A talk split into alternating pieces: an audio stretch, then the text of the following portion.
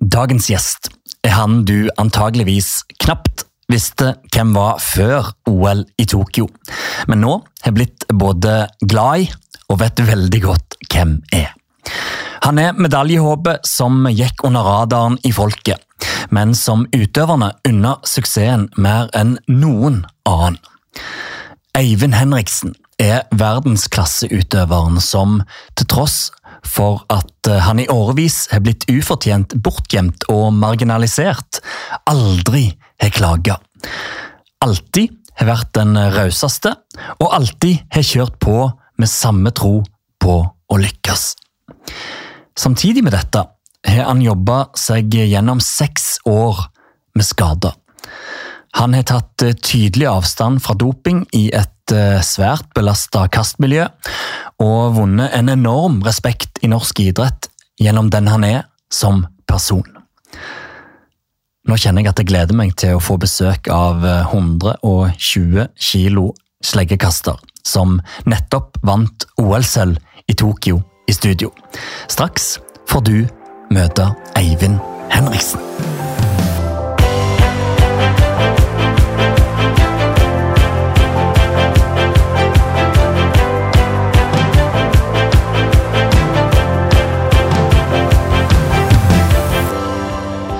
Navn. Eivind Henriksen. Idrett. Sleggekast. Moderklubb. Bjørndal friidrett. Første konkurranseminne. Nei, det var eh, faktisk når jeg var eh, sju år gammel. Var, da hadde vi ett år i, i Lambertseter, hvor det var et sånt klubbmesterskap da, med tre øvelser, og det var vel eh, 60 meter lengde og liten ball, tror jeg. Så det, den husker jeg fortsatt. 60 meter lengde og liten ball, ja. Ja. Hvordan gikk det? Jeg vant i hvert fall. Ja. Eh, Så det, det var gøy. Kult. Største opplevelse på idrettsbanen? Nei, det er uten tvil eh, OL, det, da. Jeg tror vi kommer til å snakke litt om det. Hjertelig velkommen til våre vinnere, Eivind Henriksen. Tusen takk. Veldig, veldig hyggelig å ha deg her, Eivind Henriksen. Det har gått ja, drøyt to uker siden du tok sølv i OL i Tokyo. Hvordan går det med deg? Nei, det går veldig bra. Det suger fortsatt på karamellen og koser meg. Ja, Hvordan har disse to ukene vært? Nei, altså jeg kom jo hjem da til eh, siste del av pappaperm, så det, det har jeg jo prøvd å få litt uh, tid med lillegutten. Og så har det jo vært uh, en del oppmerksomhet og en del intervjuer og greier. Ja, for det er litt ditt, uh, ditt nye liv. Du er på, på en måte kommet ut av Sleggenes dal, eller Skyggenes dal. Du kommer nå rett fra, du nå rett fra God morgen Norge-studio på TV 2. Hvordan er livet i, i spotlighten for deg, som ikke er så vant med det, må vi si? Nei, det er jo eh, Jeg kjenner jo litt på det stresset, for jeg er jo ikke vant til å ha liksom en kalender med masse planer på. Eh, Jeg vil helst ha minst mulig planer og bare eh, dra og trene når, når det passer i løpet av dagen og liksom må være mye hjemme. Da. Så det er litt annerledes akkurat nå, ja. Men samtidig så er jo det litt sånn limbo, for du ønsker jo på samme tid oppmerksomhet for idretten din. Du ønsker jo at slegge skal komme ut der. Eh, Og Hvordan er den limboen for deg? Eh, Det med at du ikke vant med det, men at du samtidig ønsker oppmerksomhet for slegge? Nei, man må jo eh, smi mens jernet er varmt nå og få, få mest mulig oppmerksomhet og stille på det, de invitasjonene man får. Så, så man liksom eh, blir eh, et kjent ansikt, da, ikke bare på den ene konkurransen i året som eh, blir vist på TV. Så man må bare prøve å si ja til alt og få ting til å gå rundt. Men Eivind, jeg, eh, jeg vil at vi skal starte i Tokyo. Jeg vil til Tokyo. Um, Du var jo på en måte medaljevinneren som for folket gikk litt under radaren. Men for de som kjenner deg godt, så var det mange som visste at du kunne ta medalje. Men hvordan var din inngang til de olympiske lekene?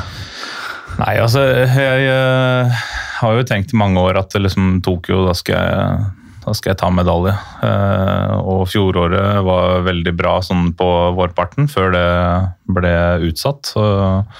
Og, og fikk en ganske sånn real eh, motivasjonsknekk midt på sommeren der. Um, så, så, klarte vi liksom stille om og bare tenke at det her blir en sånn mellomsesong hvor jeg bare trener godt gjennom, gjennom sommeren. Da, så har liksom enda et år med treningsgrunnlag i kroppen. Og så veldig bra treningsvinter og vår. Sleit litt med å få det ut i, i konkurranse som på vårparten. Så var det kanskje derfor det liksom kom som et uh, Altså at jeg fikk så mange meter samtidig, da. for jeg var jo i form til å kaste 80 allerede i mai, starten av juni. Ah.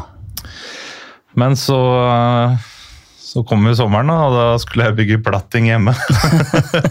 det var kanskje ikke det lureste å gjøre midt i sesongen, for da, da var jeg ganske ødelagt etterpå. Det ble noen, eh, ble noen tolvtimersdager med opp og ned og skru planker og ja. Så du bestemte deg for å bygge platting? Ja, jeg hadde jo tenkt å gjøre det eh, tidlig på våren, men så er det jo sånn at vi bor i, eh, i et sameie hvor man må søke om å få lov til å gjøre det. Så da og det styremøtet var ikke før uh, ute, i, mai, så da ble det litt seint. Så du satte din uh, Du risikerte din olympiske form uh, for en platting? ja, men det er jo ikke sånn man vet på forhånd at man kan bli så ødelagt av det. Men jeg tenkte liksom at jeg skal, jeg skal, spare knærne med å ikke krabbe rundt. Da. Så jeg sto jo med strake bein og bøyde meg fram. ikke sant? Så jeg var helt ødelagt i hamstringen etterpå. Så jeg hadde et par tøffe konkurranser i, i Finland der. Eh, hvor det var liksom 75 og 74 meter. Da. Og bare ja, Det var så vidt jeg klarte å gå ut av ringen. Men kan du ikke da sende en søknad til borettslaget? Hei, mitt navn er Eivind Henriksen. Jeg har planer om å ta medalje i sommerens olympiske leker. Kan jeg få lov til å bygge platting på et annet tidspunkt? Få et ekstraordinært årsmøte. Ja, jeg kunne sikkert det. Men eh, det er liksom, vi jeg hadde lyst på ny platting til sommeren, og da måtte jeg bare ta det når, når det var tid til det. Så, sånn ble det. Jeg gjør ikke det en gang til, i hvert fall. det var litt risky. Så, ja, så det liksom begynte å komme seg litt etter det, og så fikk jeg eh, andre vaksinedose i, i midten av juni. Og fikk en, uh, fikk en, liten reaksjon på det. da, og Var ganske slapp og sliten i, uh, i tre uker. og jeg, ja, Nesten ikke noe konsentrasjon på trening og bare satt liksom mellom, uh, mellom øvelsene og mellom settene i knebøy og bare var helt borte, liksom. Bare tenkte på helt andre ting. Så ringte jeg liksom treneren min og bare Du, det her funker ikke. Jeg, jeg har ikke noe trøkk i kroppen. Uh, gjorde liksom ja, Så vidt jeg klarte å komme meg over 70 meter på trening. ikke sant? Uh, så sa jeg at jeg tror jeg må bare ta en uke fri. Bare slappe av og hente meg inn igjen.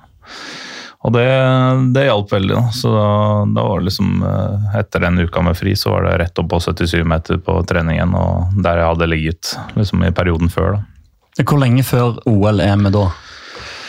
Nei, Da er vi jo starten av eh, starten av eh, juli, da. Jeg kom hjem fra et stevne i Ungarn som var 5. juli, tror jeg. Så tok jeg hele den uka der fri. Så det var ganske tett oppå oppå mesterskapet. da. Ja, fy søren. Men da har du altså fått plattingen ut av kroppen, og så kommer vaksinen og skaper trøbbel. Ja. Men når du da kjenner vaksinen gjør kroppen mer eller mindre lam, eh, og du ikke har den kraften du skal ha, hvor bekymra er du da? Nei, Da hadde jeg vært litt bekymra i, eh, i, noen uker, og helt på slutten så tenkte jeg bare Ja ja, det, nå, nå ryker det. Jeg, jeg får bare være stille om det her og så dra til OL. Og, for jeg skal i hvert fall være med i OL. Nå har det liksom gått ni år siden forrige OL jeg var med og hadde liksom gleda meg til å være med i OL, for det er jo, det er jo noe helt annerledes. Så, så, jeg tenkte jo at eh, nå, nå har det røket, liksom. Og får bare være i dårlig form liksom, i OL.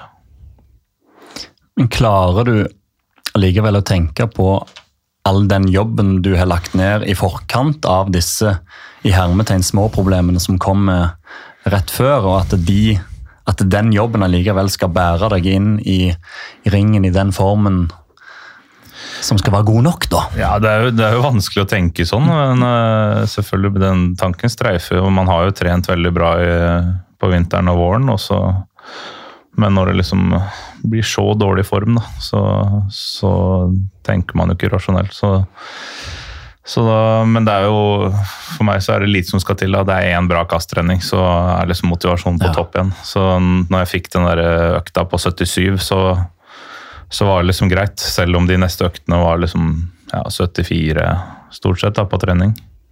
I, eh, I, de siste ukene mot uh, før avreise. Da. Så når vi kom, uh, kom til uh, Fukuoka, da, der vi var på precamp før, før Tokyo, så um, kasta jeg dagen etter, etter vi kom. Så etter en lang flyreise så tenkte jeg bare skulle liksom bare kjenne litt på det, kaste litt rolig. Og da med liksom 40% innsats så kasta jeg 76. Da kjente jeg bare det her kan bli bra. Og så var det liksom de neste treningene etter det kasta jeg ikke noe lenger. Men det bare, da satt den ene økta i hodet, ikke sant. Så da ble jo det veldig fokus at eh, hvis jeg bare klarer å kaste kontrollert sånn som jeg gjorde da, så, så kommer jeg meg til finale. Og, du, og det klarte du i kvalifiseringa når du da satt den norske rekorden som du gjorde i det ene kastet. Mm. Hvor mye betydde det å gjøre det så enkelt og greit som det så ut? Nei, det, det tror jeg var ganske viktig, egentlig. Eh, for det er jo første, første gang jeg kom meg over den direkte kvalifiseringsgrensa. Da, og slippe å liksom slite i en kvalifisering eh, og den usikkerheten da, som følger med. Så det å bare gå inn i ringen der og, eh, og hadde liksom den, den roen da, som jeg hadde på den første treninga i Fukuoka. Bare helt kontrollert. Nesten ikke noe innsats. Uh, og så går det så langt, da. Da kjente jeg at uh, jeg er klar for finalen, i hvert fall. Og da våkna hele Norge. Da skjønte folk her er det en medaljekandidat. Og da skulle alle se finalen Og gjorde det noe med deg? At du plutselig hadde et press på deg? Nei, altså jeg, jeg fikk jo ikke med meg så mye av det etter kvaliken. da. Eh, jeg sa jo for så vidt på intervjuet etter kvaliken at jeg er en uh, underdog for, for medalje. For liksom 78-79 som jeg hadde i kvaliken, det det ville jo ikke holdt, eh, tenkte jeg da. Selv om det hadde holdt i, eh, i de seneste mesterskapene. Så tenkte jeg at jeg, jeg, må kaste 80, for nå har det vært Det var vel tre stykker over 80 uh, før, uh, før, OL, og jeg tenkte at uh, en, i hvert fall én til kommer til å gjøre det. Så var det jo meg, da. så det var jo gøy. og selve finalen, hvordan opplevde du dynamikken i den? Nei, jeg følte hele tida at jeg bare hadde stålkontroll. Eh, det var veldig deilig for meg å se at eh, de andre gikk rundt og svetta og sleit med varmen, mens jeg sto der uten at, eh, uten at det rant en eneste svettedråpe fra meg. Jeg hadde på meg kjølevest, så det, det ga meg en veldig sikkerhet da, om at det her har jeg kontroll på. Skjønte de andre hva den kjølevesten var? Nei, jeg vet ikke helt uh, hva de tenkte. De de to polakkene fikk jo spørsmål om det her på, uh, på internasjonal pressekonferanse etterpå. De, for dem så sa de de har testa det ut, men de trengte det ikke. og de, de, så ikke ut som de trengte det heller, fordi de gikk rundt med langbukse og genser og sa bare at vi, vi, begynner å bli gamle, så denne varmen her den er bare bra for muskler og ledd. men du lå jo godt an lenge, og så kommer du ut i konkurransen, og så blir du pusha ned av pallen. Eh, når du allikevel har kasta ny norsk rekord. Eh, og har kasta over 80 meter. Og prestert allerede mye bedre enn, kan, enn man kan forvente. Du hadde kasta 80-31. Hva tenker du da? Nei, det er jo mye tanker som går rundt i hodet. Den uh, konkurransen der gikk jo veldig mye fram og tilbake. Jeg var vel på andreplass etter, etter første omgang. Uh, og så kasta han ukraineren 80-39, og så fulgte jeg opp med 80-31, som var rett bak og lå på, på bronseplass der. Uh, så det var jo jeg som hadde presset på meg der, liksom, for mm. det var jeg som var første som røyk fra pallen hvis noen skulle kaste langt. Så gjør jo Fajdek eh, det han er eh, god for, og kaster 81,5. Eh, og da tenkte jeg liksom Fader, altså. Nå, nå kom jeg på fjerdeplass i OL med åtte, centimeter bak i bronse, liksom. Det, så da, da, er det jo mye tanker som går i hodet, dårlige tanker. Så, men så klarte jeg liksom å, å snu det da, og bare beholde roen og tenke at jeg skal gjøre akkurat det samme. bare med litt mer eh, trykk inn i starten. Da. Og når da du klarer i det øyeblikket, når det gjelder som aller mest i en OL-finale, å hente fram det 81-58-kastet altså, Hva tenker du da, når du oppnår det resultatet? Nei, det, det kom jo litt som et sjokk, da. For jeg hadde jo tenkt på vei til banen at uh, i dag kaster jeg 80 meter. Uh, og var ganske sikker på det uh, når jeg gikk inn i konkurransen. Uh, så når det kom til den femte omgangen, og da uh, tenker jo jeg som som ofte kaster liksom lengst i de tre første omgangene. og kroppen liksom dauer litt mm. utover konkurransen. At nå, nå, klarer jeg liksom ikke mer, men kanskje jeg klarer de åtte centimeterne som skal til. Og så gjør jeg det kastet da, med et bitte lite skrik etterpå. Så, som, uh, for jeg, jeg, kjente liksom ikke at uh, det her var sinnssykt langt eller bra. Jeg tenkte at den slegga kommer til å lande liksom tett opp mot 80, da, men ikke over. Uh, og så ser jeg liksom at den lander jo langt over streken. og må snu meg da opp til, til treneren min og tribunen for å se om om det er en reaksjon der, liksom. Før jeg skjønte at eh, fy fader, det her var langt. Og da ender jo dette med sølv. Det blir olympisk sølvmedalje. Det blir den medaljen du har drømt om i årevis. Eh, og du ender opp med å sitte bak buret med det norske flagget over hodet og tar noen sekunder for deg sjøl der. Eh, hvordan har Eivind Henriksen det akkurat der, inni den bobla med flagget rundt hodet? Nei, det er uh, bare en uh, enorm lettelse, egentlig. Uh, man må liksom prøve å ta det inn over seg akkurat når man står der og liksom tenke tilbake på alt man har vært gjennom i, i, årene som har vært, og all den jobben som er lagt ned i, i, årene som har vært. Så da da feller man noen tårer. Man gjør det. Ja, For det er lettelse. Det er lettelse mer enn glede. Ja, det er nok begge deler, men det er bare lettelsen om at uh, det her gikk bra, liksom. Uh, når man tre uker før tenkte at nå, det her går ikke, liksom. Jeg kommer til å være liksom sånn topp åtte som jeg har vært da, en, en, i noen år nå.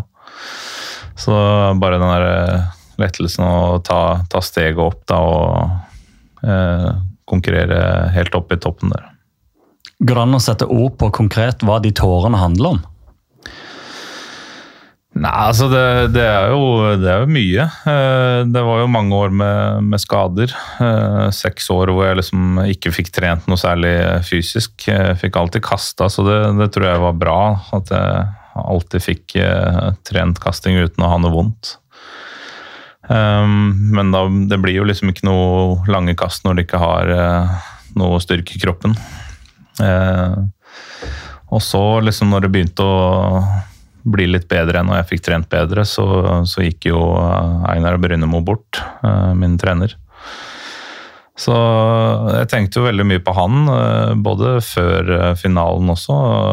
Jeg husker min fysiske trener Paul sa liksom Tenk om Einar hadde vært her og eh, fått oppleve det her. Liksom, det var en av drømmene hans. å, Å få, få, se en, en, av utøverne sine i en OL-finale og kjempe om medalje, liksom. Da kjente jeg måtte bare snu meg i senga, for da begynte det liksom å trykke på i øya. Så ja, jeg kan, kan være lettrørt. Men hvorfor Hvorfor var Einar Brynemo så viktig? Nei, Vi jobba jo veldig mange år sammen. da. Eh, fra 2005, tror jeg det var. Eh, helt frem til han eh, fikk et hjerneslag i, i 2017. Da, da, var jeg på kalde treningsleir i tre måneder i Australia med samboeren som var på utveksling. Så da, jeg fikk jo beskjed da. Så da hadde vi liksom avtalt at jeg skulle sende han videoer og sånt, og, sånn at han skulle kommentere litt mens jeg var borte. Og så får jeg liksom den meldingen om at han, han sitter i rullestol og har mista taleevne. Så det var ganske tøft da, altså. Liksom tenke at uh, nå, nå, ikke, nå, er det ikke mulig å kommunisere med han lenger. Og ja, så det, det var en vanskelig periode. Hvordan takla du det? Nei, altså det, det var vanskelig å, å, sette seg inn i det. For jeg var jo såpass langt borte og liksom jeg visste, skjønte kanskje ikke hvor alvorlig det var, her var. da. Jeg fikk liksom beskjed om at ja, han, han kan svare ja og litt nei. da. Det var det eneste han klarte å si. Så det var jo først når jeg kom hjem og liksom dro på besøk til han hvor jeg kjente at jeg kjente virkelig på det og skjønte det her, hvor alvorlig det var. Så det, det var en del tøffe måneder. Så gikk det jo liksom eh, var vel eh, nærmere ett og et halvt år da, før han fikk, igjen fikk et nytt slag da, og ikke klarte det. Og så endte han jo med å gå bort rett før EM i Berlin i 2018, gjorde han ikke det? Mm. Og hvis jeg husker rett, så var du med og bar kista hans inn i begravelsen to uker før EM. Mm. Hvordan er de berg-og-dal-banene der for en toppidrettsutøver? Det å Altså den, den, enorme kontrasten det er i å bære kista til sin egen trener og sin nærmeste sportslige støttespiller på den måten inn og skulle prestere på toppnivå to uker seinere. Mm. Ja, det, det, var en eh, tøff periode. Eh, men jeg prøvde liksom å stille det om litt og tenke på alt det vi hadde gjort sammen da, i årene som var. Og ikke liksom bare akkurat det som hadde skjedd det siste halvannet året. Så, så jeg prøvde liksom å tenke bare eh, positivt da, om, eh, om, Einar når jeg, gikk, når jeg dro til EM. Og ta med meg liksom eh, det han har lært meg opp gjennom årene. Og da ble du nummer fem? Stemmer. Ja. Og du nevnte fem-seks fem, år med skader. Dette var jo en slags start på et slags vendepunkt etter en lang skadeperiode. Er det, er det disse tingene som gjør altså Kombinasjonen med Einar Brynemo, denne skadeperioden Er det disse tingene som gjør at alle sier at denne medaljen er mer fortjent enn noen annen medalje? Jeg har fått spørsmålet om, om om den medaljen var mer fortjent. Eh, men jeg tenker liksom at eh, alle som tar medalje i OL, de, de har fortjent det, fordi de har jobba sinnssykt mange år, de også. Eh, selv om noen sikkert har hatt alt har gått på skinner og sånn, så, så er det, det er mange år og mange timer med trening og greier som følger med. Så om den er mer fortjent, det, det tenker ikke jeg, men men hva er det med personen, da? Det er sikkert vanskelig, Jeg skjønner det er vanskelig for deg å vurdere dette, og vurdere deg sjøl på den måten, men hva er det med personen Eivind Henriksen som gjør at Karsten Warholm sier dette rett etter sitt eget gull og sin egen verdensrekord, at uh, aldri har en medalje vært mer fortjent, som han skrev? Hvorfor skriver han det da? Klarer du å reflektere over det? Nei, jeg tror mange liksom eh, eh, liker det pågangsmotet når man har, eh, går og stanger i veggen i så mange år, eh, men ikke gir seg. da. Fordi man sitter med en drøm og, om å gjøre det enda bedre. Så jeg tror kanskje det er liksom grunnen til at mange tenker at den er mer fortjent. da.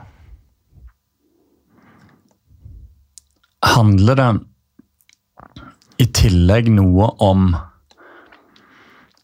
at du og din øvelse har vært marginalisert, vært bortgjemt, og du samtidig har holdt motet oppe, vært den samme, kjørt på, gått din sti, oppi skadeproblemer, oppi at du mista din egen trener, og kjørt på samtidig?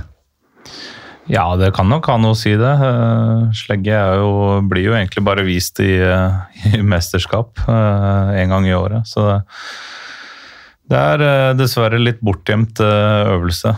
Ofte så kaster man utafor en stadion fordi, fordi man tenker at det ikke er sikkert å ha det inne på stadion, og det ja, ødelegger gressmatta og ditt og datt. Så, så det er jo synd at, synd at det er sånn.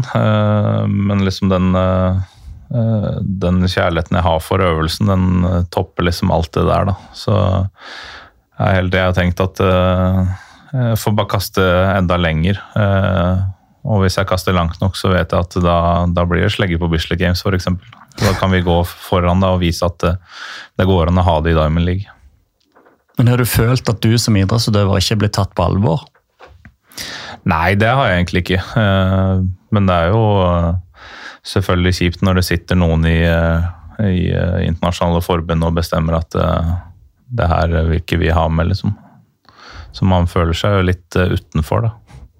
Har du noen gang tenkt at du har forelska deg i feil øvelse?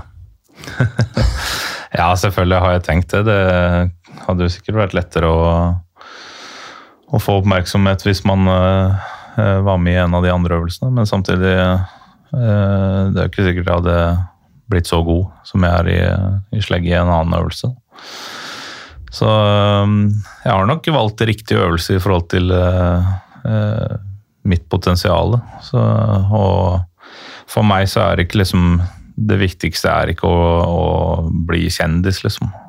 Det er å, å utvikle meg selv og, og bli en bedre sleggekaster. Og se hva jeg kan eh, få til der. Når var det du bestemte deg for at du skulle bli skikkelig god? Altså type blant de beste i verden, eller best i verden? Nei, altså det var, det var vel sånn rundt 15-16-årsalderen hvor, eh, hvor jeg hadde liksom et eh, par sånne intervjuer med, med lokalavisa og sånt, hvor, eh, hvor jeg sa liksom at eh, målet mitt er å ta medalje i OL i Rio. Eh, Da var det ja, ti år fram i tid, da. Så da hadde jeg allerede da tenkt at uh, det her har jeg lyst til å bli skikkelig god i. Da. Og følte du da at uh, du fikk tidlig en anerkjennelse for dine ambisjoner, dine mål, dine tanker, dine ønsker om å bli så god? Jeg har i hvert fall alltid hatt eh, veldig støtte fra, fra familien der. Eh, Fattern har jo vært eh, pågangsdriver og kjørt oss rundt eh, på treninger eh, året rundt og fulgt oss opp. Så masse støtte fra familien, absolutt. Og hvordan, gikk, og hvordan var veien videre der, da? Fra, fra de tankene i lokalmiljøet til å ta steget ut og bli så god som du er nå? Nei, det var jo, det var jo mange år fram i tid, da, de eh, tankene mine. Så, eh, og så gikk det jo veldig bra um, fram til eh, 2013, hvor jeg fikk en ordentlig smell i kneet og måtte, måtte operere. Uh, og da hadde jo alt uh, egentlig gått på skinner siden ja, i, i årene før det. Og uh, persa nesten hver eneste konkurranse jeg var med på og utvikla meg stadig hele tida. Eh, så begynte det liksom å stange litt mot uh, i 2013. Uh, men så satt jeg alltid med den tanken om at jeg, jeg har lyst til å ta medalje i et mesterskap, og, og jeg har lyst til å kaste over 80 meter. Så det var nok det som gjorde at jeg ikke, ikke ga meg, da. For det er jo denne velkjente 13.-plassen i eh, OL 2012. Eh, og da er du jo bare 22 år. Mm. Ja, jeg hadde ikke fylt 22 engang. Nei, du var 21 år. Ja. Og det å være 6 cm fra en OL-finale i, i slegge eh, når du er 21 år, det er ganske spesielt. Ja, det, det var det. Det var jo et voldsomt bra mesterskap for meg, eh, eh, det OL-et der. Jeg hadde jo EM tidligere på sommeren noe jeg kasta egentlig ganske dårlig. Eh, det var vel 72,5 eller noe sånt, men kom på 14.-plass da og satt liksom i Helt til det var tre kaster igjen i, i B-gruppa i kvalifiseringen, og var fortsatt på tolvteplass. Og så røk det der, da. Så det, det, var veldig spennende, den konkurransen der også. Og kom til OL sikkert ranka som uh, godt opp på 20-tallet, uh, og tok så mange plasser, da. Det, det var et voldsomt gøy mesterskap for meg.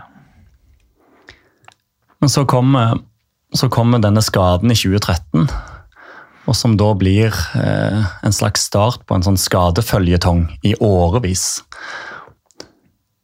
Og det er da jeg lurer på hvordan en da i en såpass som har vært borti altså en bortgjemt og marginalisert øvelse, hvordan du da klarer å stå i dette år etter år etter år.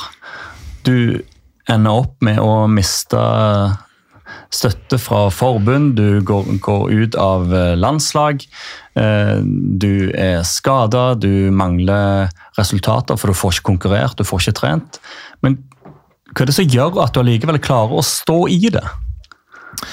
Nei, altså Det skal jo sies at jeg har hatt enorm støtte fra, fra klubben da, i alle de årene. og eh, når jeg falt ut av landslaget, så var jo klubben der på plass med en gang. og eh, hjalp meg så, og ga meg det jeg trengte da, for å kunne fortsette. Så var det jo det som jeg sa, at eh, jeg visste for meg sjøl at jeg har potensial til å kaste 80 meter, og jeg vet at jeg kommer til å gjøre det hvis jeg bare fortsetter. Så det var jo det som var liksom grunnen til at jeg ikke ga meg. Da. Og bare fortsatte å dra på trening selv om det var uh, Selv om kroppen var skrot og, og alt bare var vondt. Men hvor viktig er det i de årene å ha f.eks. en klubb som bare er står ved din side og bare sier 'vi er der, Eivind, uansett, kjør på, vi har tro på deg'? Ja, det er, det er, nok eh, utrolig viktig, det. Eh, jeg måtte jo etter hvert finne meg en jobb, ikke sant? for jeg hadde jo leide jo leilighet, og jeg hadde jo ikke lyst til å flytte hjem igjen ikke sant? Og, og bo på gutterommet i en alder av 25. så da var det jo bare å finne seg en jobb uh, som kunne liksom uh, supplementere det som jeg, den støtten jeg fikk av klubben. Så, og den, det var jo utrolig viktig, for da, da slapp jeg jo å, å jobbe 100 uh, Jeg starta jo 40% jobb, så to dager i uka. Og senere gikk over på, på tre, da, for da, da fikk jeg meg samboer, og da tenkte jeg også at det er greit å ikke bare Uh, sitte på en sånn uh, trang hybelleilighet. Uh, skal leve liksom et normalt liv ved siden av også. Og det har jo på en måte vært kravet fra hennes side og også et ønske fra min side om at det skal ikke gå utover vårt normale liv. Da. Og hvis jeg skal fortsette å å kaste slegge, så må, og, så, så, så må, jeg tjene litt penger på det. liksom. Eh, og må kunne gå rundt. Jeg kan ikke sitte bare med et lite budsjett og ja, inn i en trang hybelleilighet, liksom. Du har jobb den dag i dag. Og du er For det er jo litt Det er jo en slags poesi at sølvmedaljevinneren i, i slegge er bryggesjauer på kaien i, i, Oslo. Du jobber satt på spissen, du jobber på, du jobber på kaien med, med, biler i, i, Oslo, gjør du ikke det? Mm, stemmer. Og trives godt med det? Ja, jeg gjør, for, jeg gjør det, altså. Eh, og det er mye pga. de jeg jobber sammen med. Da. Det er liksom eh, kompiser. så det å bare liksom dra, eh, dra på jobb og liksom treffe kompiser og preike om alt mulig skit. Så det er liksom eh, det er litt deilig å komme seg vekk og ikke bare liksom trene og så skulle sitte hjemme og tenke på trening eller slegge. Og, ja. Så det er deilig å komme seg litt vekk og prate om andre ting også. Og Apropos det å gjøre andre ting. Jeg, jeg prata med, med klubblederen i den klubben du eh, står i som er tjalve, Jon Ertsgaard. Han sa at eh, du, som klubbens største og beste utøver, var den enkleste å få til å stille opp på dugnad. og at det var en av de vakreste kontrastene eh, som fantes i klubben. Eh, hvorfor er det sånn, og hvorfor betyr det så mye for deg?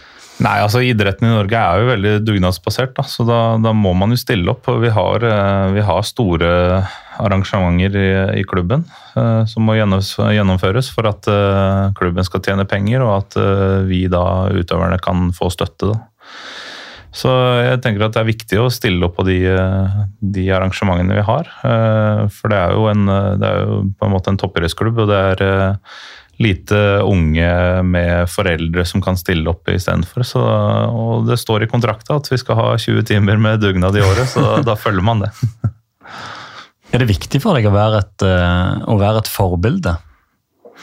Ja, jeg syns jo det. Det er, eh, det er, veldig gøy å være et forbilde også. Og jeg prøver jo hele tida å være en person man, eh, man, liker.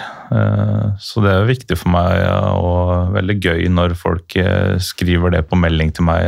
Ukjente folk skriver det på melding til meg at du er et stort forbilde. Har du fått mye meldinger nå?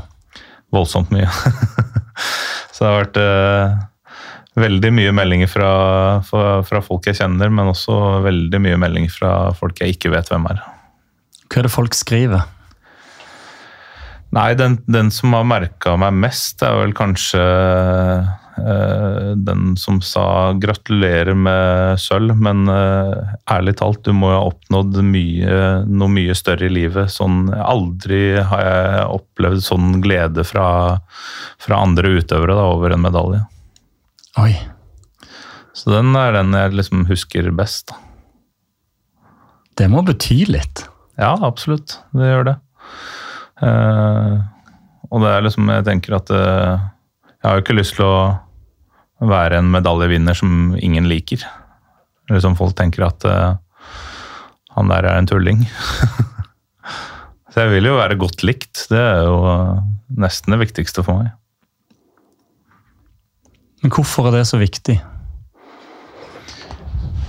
Nei, det er jo vanskelig, vanskelig å svare på. Men uh, jeg ønsker jo ikke å bli uh, sett på som en, uh, som en, raring og en, uh, en, person som ikke folk liker når de ser meg på TV, liksom. Det, men det går jo liksom sammen med det at jeg ønsker å få slegge ut til folket. Og ønsker å få få rekruttert folk til å begynne med, eller barn og unge til å begynne med slegge, og da, da kan man ikke være en dust. Apropos bety ting. Eh, du gråt da du vant OL-sølvet. Så ble du kåret til årets lagspiller i, i norsk friidrett. Da gråt du også. Um, hvorfor betydde det mye? Nei, jeg tenker at da, da ser jo folk på meg som jeg ønsker at folk skal se på meg. da. Uh, og ser på meg som en, eh, som en støttende person og en som, en som er der på plass og, og heier på andre og, og støtter andre. Er, sånn, er, det sånn du ønsker at idretten skal være? Ja, det er det. Absolutt. I hvert fall når man liksom er på en sånn uh, uh, lagkonkurranse da, i, i, som E-cupen er, da, hvor man hvor det er laget som er viktig, og det er en lagkonkurranse. Da er det jo viktig at uh, alle er der og støtter opp uh, utøvere som, uh, som, er med. Sånn at de presterer best mulig. For der var du lagkaptein. Og det, det har ikke alltid vært veldig typisk at det har vært en kaster opp gjennom årene. Og du har på en måte tatt litt avstand fra det stereotypiske kastmiljøet. Eh, kanskje litt pga. doping og den problematikken. Eh, hvorfor har du valgt den veien såpass tydelig? Nei, altså det, Kastmiljøet i, i, Norge er jo egentlig veldig fint. Eh, mye fine folk, og eh, man er liksom ikke redd for å være seg selv. Eh, så det er jo litt annerledes enn det var eh, på 80-90-tallet, 70-80-90-tallet, hvor, eh, hvor, det var mye fyll og fanteri, for å si det sånn. Eh, så det, nei, vi koser oss veldig når vi er på tur, og opplever ofte at folk fra andre øvelser trives med å være blant kasterne, for vi er åpne og ærlige og liker å tulle og, ja, holde på. Mm. Men det miljøet som kanskje var det tidligere kastmiljøet, at du har tatt, litt avstand fra det stereotypiske som var før? Ja, øh, kan jo for så vidt si det. Uh, jeg er jo veldig motstander av doping. Uh, og jeg er ikke veldig glad i folk som er tatt for doping, selv om uh, man må liksom bare komme seg videre, og de har jo sona dommen sin. og så man kan liksom ikke gå og være sure på dem hele tida, for man treffer dem i hver eneste konkurranse. Så man uh, Jeg tenker jo hele tida bare at jeg skal liksom, Jeg har mange liksom små mål da, uh, i en konkurranse, og det er at jeg skal slå den og den personen og Ja. Så, så lenge jeg bare holder de som er tatt for doping bak meg på resultatlista, så er jeg fornøyd. Hva handler det om? Handler det om det som skjedde i eh, OL i 2012, der du tapte med 6 cm finaleplassen mot en som ble tatt, eller handler det bare om en, et generelt verdisett, en generell holdning? Ja, Det er nok begge deler, men uh, det satt jo selvfølgelig preg, det, i OL. Hvor man mista en finaleplass fordi en hadde juksa. Så det det er jo veldig kjipt uh, at uh, man skal miste den muligheten for å få liksom, uh, muligheten til å kaste i en finale fordi en er tatt for doping. Eller en har juksa. Veien til å bli den sleggekasteren du har blitt, er jo du har valgt en vei der du har virkelig fokusert på å bli den best mulig tekniske sleggekasteren. Eh, når tok du det valget, og det, er det valget bevisst, eller er det pga. dine forutsetninger? Nei, det, det, var nok eh, Jeg har jo alltid kasta veldig bra teknisk. altså Tok teknikk veldig lett når jeg var yngre. Eh, så det var jo naturlig å, å gå den veien. Og visste at liksom Jeg må må innøve god teknikk før man kan begynne liksom, å legge på seg masse kilo med muskler. For det blir bare vanskeligere å innlære teknikk jo eldre man blir, og jo sterkere man blir. Så det var viktig for meg å, å ha en god teknikk eh, som grunnlag da, før man eh, begynte å trene vekter. Og der var jeg ganske seint på. Eh, begynte liksom så smått når jeg var 16 Eh, når jeg begynte på Vang toppidrett med å innøve teknikk i vektrommet. Eh, så hadde jeg vel første styrkeprogram eh, året jeg skulle bli 18, var det vel. Så det var ganske mye seinere enn de jeg konkurrerte mot i, i juniormesterskap og sånt. Så jeg var ofte langt bak de på samme alder i den perioden, sånn i verden. Men eh, ja, i løpet av ett eller to år så var jeg liksom helt oppi der. Men hvordan har, du, hvordan har, du, trent opp igjennom? Hvor mye teknikk har du drilla, og hvordan er det en sleggekaster drilleteknikk? Altså, jeg, jeg, har egentlig drilla veldig lite slegge eh, opp igjennom. Jeg har kasta mye, da. Kasta mye når jeg var ung. Eh, jeg har alltid syntes at det har vært litt vanskelig å drille slegge. Eh, det er faktisk noe jeg har begynt med de to-tre siste åra. Først skjønte liksom poenget med den og den drillen. Så i ungdomsårene så var det egentlig eh, mye lek. Eh, bare kaste og kaste og se om man klarte å kaste lenger. Jeg tror også det er viktig at man ikke skal pirke for mye eh, når man, er, eh, når man er ung med teknikken og skal ha alle mulige drilløvelser. For det, det er ikke det folk ønsker. De ønsker å kaste og se hvor langt de kan kaste. Så når jeg trener uh, unge, så sier jeg ofte bare at prøv å kaste så langt du kan. Eller bare sett mer fart. Ja. Og så ser man bare hva som skjer, da, så kan man etter hvert liksom begynne å jobbe med småting. Men det å kaste noe som er litt over sju kilo, 81,5 meter, det er helt absurd uansett hva slags teknikk en bruker. Altså, folk bør bare prøve å ta opp noe som er den vekten. Altså, hva, hva er dine viktigste egenskaper for å, få, å få til det absurde? Nei, det er absolutt uh, teknikken. Uh, Ja. Der mener jeg at jeg kanskje er uh, Ja, i hvert fall en av de beste i verden, teknisk. Sånn fysisk så ligger jeg et godt stykke bak mange av de, i hvert fall de to polakkene.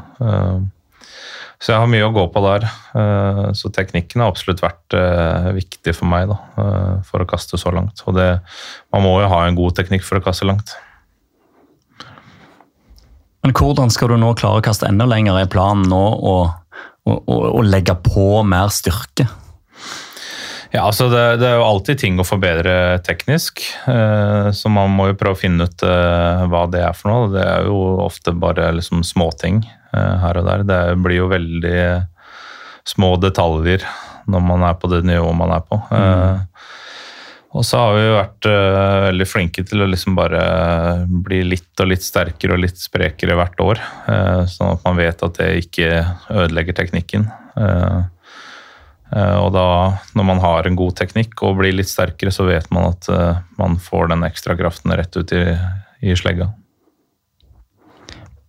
Men har du alltid tenkt, altså du er jo eh, praktisk talt 120 kilo, men har du alltid tenkt at du har liksom, lyst til å være grasiøs, at du alltid har lyst, hatt lyst til å være en slags sånn Michelangelo i, i ringen? Jeg har alltid tenkt egentlig. Jeg har ikke lyst til å bli eh, feit, i hvert fall. Eh, jeg har jo lyst til å være en, eh, en atlet, så det har vært viktig for meg. Og mitt største forbilde er jo Koji Morfushi fra Japan. Han var jo ja, På sitt beste så var han vel eh, 100-105 kilo og så ut som en gresk gud. Så det er jo sånn jeg ønsker å være også. Men da lurer jeg på Eivind Henriksen. Nå har du nådd et mål om å ta medalje i OL. Et mål du har kjempa i årevis for. Hva nå? Nei, nå er det jo eh, fem mesterskap da, de neste tre åra. Så det Ja. er, eh, det er mange medaljer jeg har lyst til å blokke med meg og jobbe mot. Så jeg satser eh, i hvert fall til eh, OL 2024. Så får vi se etter det da, og ta en vurdering om, eh, om man skal fortsette eller ikke. Er det sånn at det er liksom, Nå er det kun gull som gjelder? Eller tenker du at uh, nivået er så høyt at uh, medalje i mesterskap er mer enn bra nok for deg?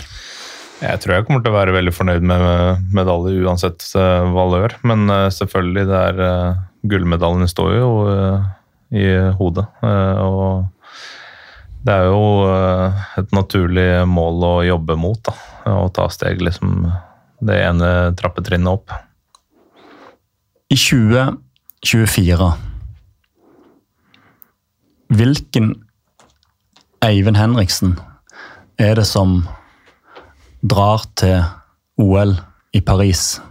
I hvilken posisjon er du da, tror du? Nei, jeg håper jo å holde det nivået som jeg er på nå, da. Og kanskje ta enda flere steg og kaste enda litt lenger eh, før det. Så eh, målet er jo nå i årene framover å gå inn i mesterskap som, eh, som medaljefavoritt. Og være den folk er redd for, da. Og nå framover vil du i tillegg være en folk her i Norge vet om. Nå vil folk tenke Oi, Sleggefinalen den går på tirsdag klokka seks. Den skal jeg se. Det blir en ny situasjon her hjemme. Er det noe som kommer til å påvirke deg i det hele tatt? Nei, altså jeg tenker når jeg, når jeg, er i mesterskapet, så tenker jeg veldig lite på hva som, eh, hva som blir skrevet hjemme. Eller jeg får ja. ikke med meg hva som, hva som skjer hjemme da. Så, men det er jo veldig gøy eh, hvis eh, folk eh, får det med seg og har lyst til å se på det og plotter det inn i kalenderen nesten at eh, den dagen er det sleggefinale. Så jeg håper at det fortsetter i årene framover. Hvordan var det å komme hjem til familien? Nei, det var veldig deilig. Det var jo riktignok bare 16-17 dager borte, men eh, det er ganske lenge når man, eh, når man har en på, ti måneder hjemme. Så det var veldig gøy å komme hjem til han og, hjem til samboeren. Du, Eivind Henriksen, la oss håpe at innboksen din etter Paris 2024 blir pepra med meldinger om at du vant det mest fortjente OL-gullet noensinne.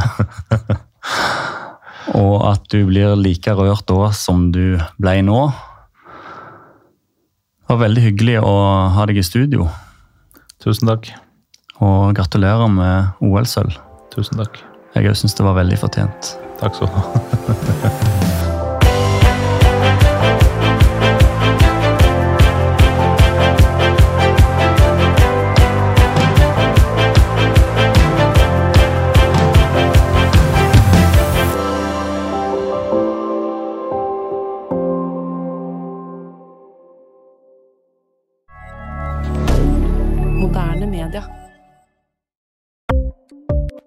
Ukens annonsør er Folio, en smartere banktjeneste for deg som har en egen bedrift eller ønsker å starte for deg selv.